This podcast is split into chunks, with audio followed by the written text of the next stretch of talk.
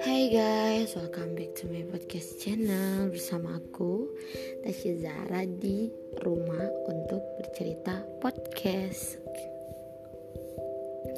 Gimana kabar kalian? Coba jujur, coba cerita. Gimana keadaan kalian? Ada cerita hari ini atau enggak? Kalau ada cerita, kalian bisa banget untuk cerita bareng sama kita di our home. Bisa DM Instagramnya juga kalau kamu ngerasa sendiri atau apa gitu. By the way kalian semua udah ada yang tahu belum sih arti our home itu apa? Home itu kayak rumah kita. Uh, pasti ada yang nanya kenapa sih? Kata saya harus ganti broken home uh, underscore IND jadi our home underscore IND kenapa nggak broken home aja supaya gampang dicari? Tujuan aku buat akun itu bukan supaya gampang dicari sama orang tapi gimana dia pas ketemu aku nawar home dia ngerasa bahwa rumah nih rumah gue ternyata di sini gitu loh. Karena anak-anak berekonomi itu kadang nggak pernah bisa nemuin rumah dia yang sesungguhnya gitu. Makanya aku pengen ngajak kayak nih kita punya rumah nih rumahnya our home gitu. Kau bisa masuk ke sini bisa cerita-cerita di sini gitu. Jangan pernah ngerasa sendiri kayak gitu. Makanya aku ganti namanya jadi our home. Lagi kalau misalnya broken home itu kayak lebih mendoakan gak sih? Nah daripada mendoakan kayak gitu kayak eh follow broken home. Jadi kayak kita mendoakan kita tuh broken home banget gitu. Jadi mending jadi our home aja gitu. Kenapa? Karena supaya lebih mendoakan yang lebih baik gitu. Kita tuh akan lebih baik lagi. Karena kalau kita bersatu kita seperti rumah ya pasti kita akan jauh lebih baik lagi ke depannya begitu. Aku mau bacain satu cerita di episode kali ini tentang laki-laki. Aku nggak menyebut namanya tapi kita bisa panggil dia Ru oke? Okay? kita bisa panggil dia Ru kita ceritain tentang dia dulu ya. Dia laki-laki nih. Jarang banget aku ceritain tentang laki-laki. Oke? Okay? ini kayaknya podcast kali ini nggak terlalu panjang sih. Tapi kita coba mulai cerita ya. Kak mau curhat boleh? Aku dari kecil tidak merasakan kasih sayang sama keluarga. Aku dari SD dipukul. Kalau bisa uh, dibilang SD tuh mental belum kuat ya kak. Dipukulnya nggak kayak anak biasanya yang dicubit kayak biasa lah menurut aku Aku dilibas pakai selang, tali pinggang, dibenam ke sumur, pakai helm, terus ke kuali. Sampai-sampai dari kecil aku kayak mau mengakhiri hidup. Sampai pernah aku dicekek dan sekarang aku selalu dibandingin sama abang aku dan adik aku. Aku selalu dipikir negatif. Apa-apa yang aku aku menurut baik buat keluarga selalu mikirnya negatif selalu dibanding-bandingin. Sampai-sampai aku selalu diusir dari rumah dan aku selalu balik lagi. Kayak aku ngerasa aku masih sayang keluargaku tapi keluargaku kayak gini. Aku nggak bisa ngadepin dunia yang kejam apalagi kejamnya yang kayak gini nggak kuat. Aku iri dengan anak-anak lain yang di luar sana. Mereka minta apa aja dikasih. Selalu disayang dimanja, diperhatiin walaupun mereka udah gede. Sampai-sampai aku sering nangis di jalanan sendiri. Mau nangis tapi udah gak bisa lagi. Makasih kak, semoga dibaca. Oh iya, dan semenjak SMA kelas 10, gimana aku bisa dihargai orang lain walaupun aku tidak dihargai keluargaku. Oh, uh, sorry, gimana aku bisa dihargai orang lain walaupun aku tidak dihargai keluargaku. Oh, di dihargain sama banyak orang. Aku memilih selalu berkelahi dan disegani banyak orang. Cuma itu yang bisa aku tunjukkan ke orang-orang. Oke, okay, mungkin aku tidak harus kayak gitu biar disegani banyak orang, tapi menurut aku itu buat aku merasa dihargai orang. Tidak masalah kan Kak? Mungkin itu saja Kak. Terima kasih. Terima kasih untuk uh, anak RU sudah mau menceritakan ini ya.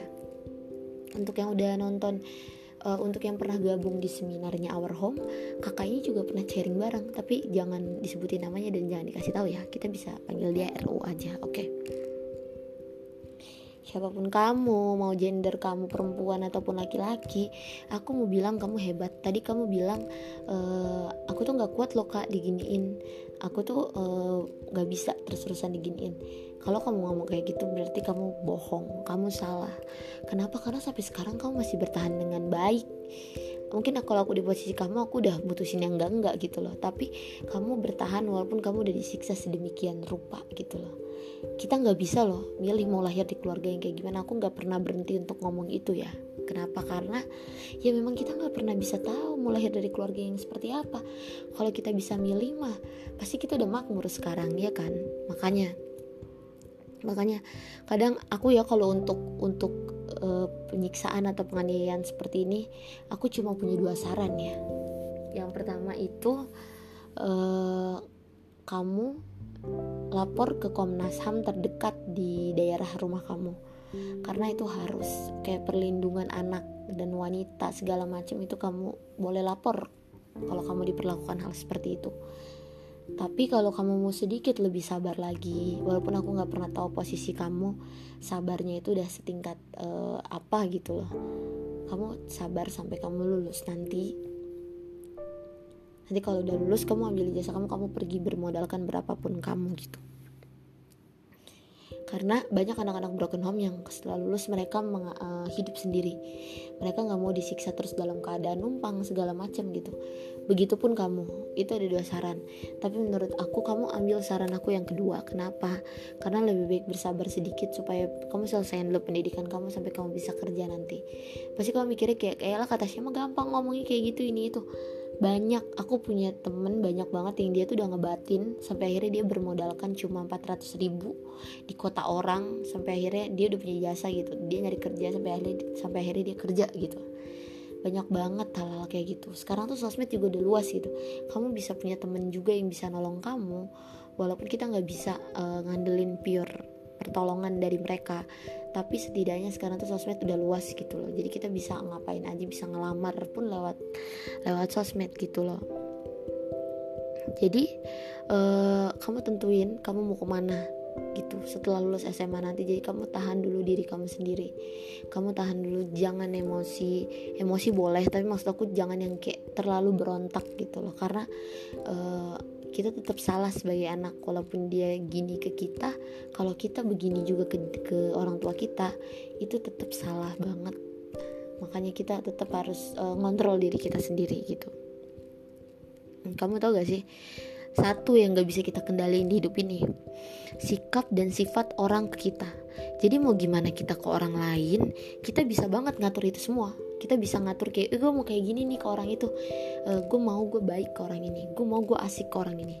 Tapi orang lain itu nggak bisa diatur sama sekali mau ke kitanya. Jadi kayak kita mau baik nih ke mama kita mau baik ke bapak tapi bapak pengen nyiksa kita kita nggak bisa ngatur dia kayak jangan siksa gitu. Kalau emang dia maunya kayak gitu ke kita ya udah. Kita nggak bisa gitu. Yang yang terpenting adalah kita ke orang lain kayak gimana karena orang lain ke kita itu urusan dia dengan yang kuasa gitu. Jadi kalau yang tadi kamu ngomong salah nggak sih aku disegani banyak orang karena tingkah laku kamu gitu. Jadi kamu ke orang lain itu bisa diatur. Jadi mending udahin ribut kamu. Udah berkelahi kamu. Jangan banyakin musuh karena nggak ada gunanya. Aku paham kamu tuh nggak diperlakukan baik sama keluarga kamu. Tapi kalau kamu memperlakukan orang ba orang nggak baik itu berarti kamu sama sama keluarga kamu dong emang kamu pernah gak sih ada di fase gini? Aku tuh pernah banget uh, ngerasa kayak aku tuh udah aku tuh udah berjuang mati-matian. Tapi ternyata karena ayah aku nggak bener aku di aku diciplak sebagai anak yang nggak bener karena ayahnya nggak bener gitu. Nanti emang kamu mau kayak uh, misalnya kamu berantem nih kamu ngelukain anak orang. Terus habis itu nggak taunya orang itu tahu latar belakang keluarga kamu kamu sering disiksa sama ayah kamu misalnya terus habis itu ya udah orang-orang bakal nanggepinnya pantesan dia suka mukulin anak orang. Orang bapaknya juga kayak gitu. Yang jelek bukan cuma kamu tapi keluarga kamu juga gitu. Minimal kita harus beda dari orang tua atau keluarga. Itu tuh harus beda.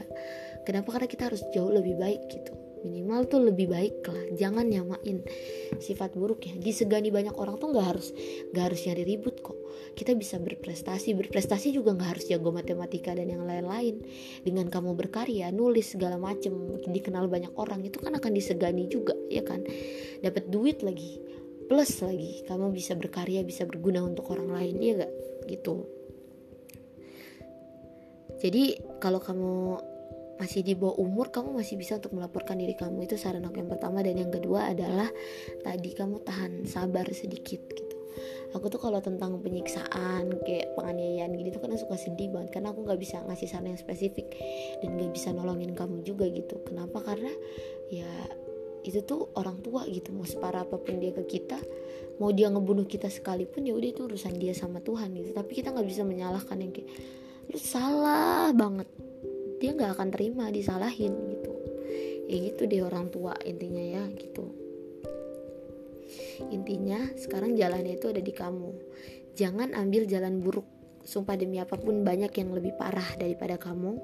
Mereka masih bertahan hidup dengan baik sampai sekarang gitu. Dan aku yakin kamu bisa. Bukannya aku menyama ratakan kekuatan kamu ya. Bukannya aku bilang kayak e, ah lalu gitu doang aja cupu lu gitu doang aja lu nyerah banyak yang lebih parah. Bukan kita harus ngeliat ke bawah supaya kita bisa meninggi gitu.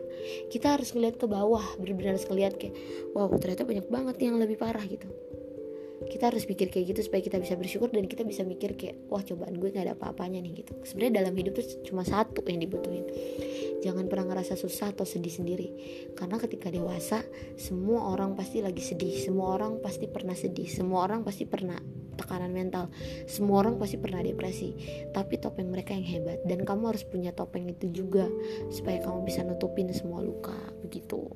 Itu saran dari aku ya mungkin kalau bilang semangat doang juga kayak ya lah lu bisa nyemangatin doang gitu. Ya tapi kamu lihat deh perjalanan kamu tuh udah sejauh mana? Kamu tengok ke belakang. Kamu lihat kamu udah berjalan sejauh apa? Terus kamu mau nyerah dengan hal kayak gitu gitu. Lebih baik kamu sabar kamu keluar dari rumah nanti. Aku bukan yang ngajarin kabur ya tapi itu untuk kamu juga. Ketambah kamu juga laki-laki. Mending kamu belajar hidup sendiri gitu loh. Gak apa-apa kamu kerja nanti habis itu kamu tentuin kamu mau ke mana masa depan kamu mau gimana gitu semangat terus ya kakak RU pokoknya pasti ada jalan keluarnya ya intinya gitu dari aku oke okay? untuk kalian semua yang punya cerita, yang punya kisah-kisah yang bisa dibagiin di podcast Rumah Untuk Bercerita bisa DM Instagramnya Our Home Scott IND. Itu aja dari aku, Tasya Zahara. See you next episode.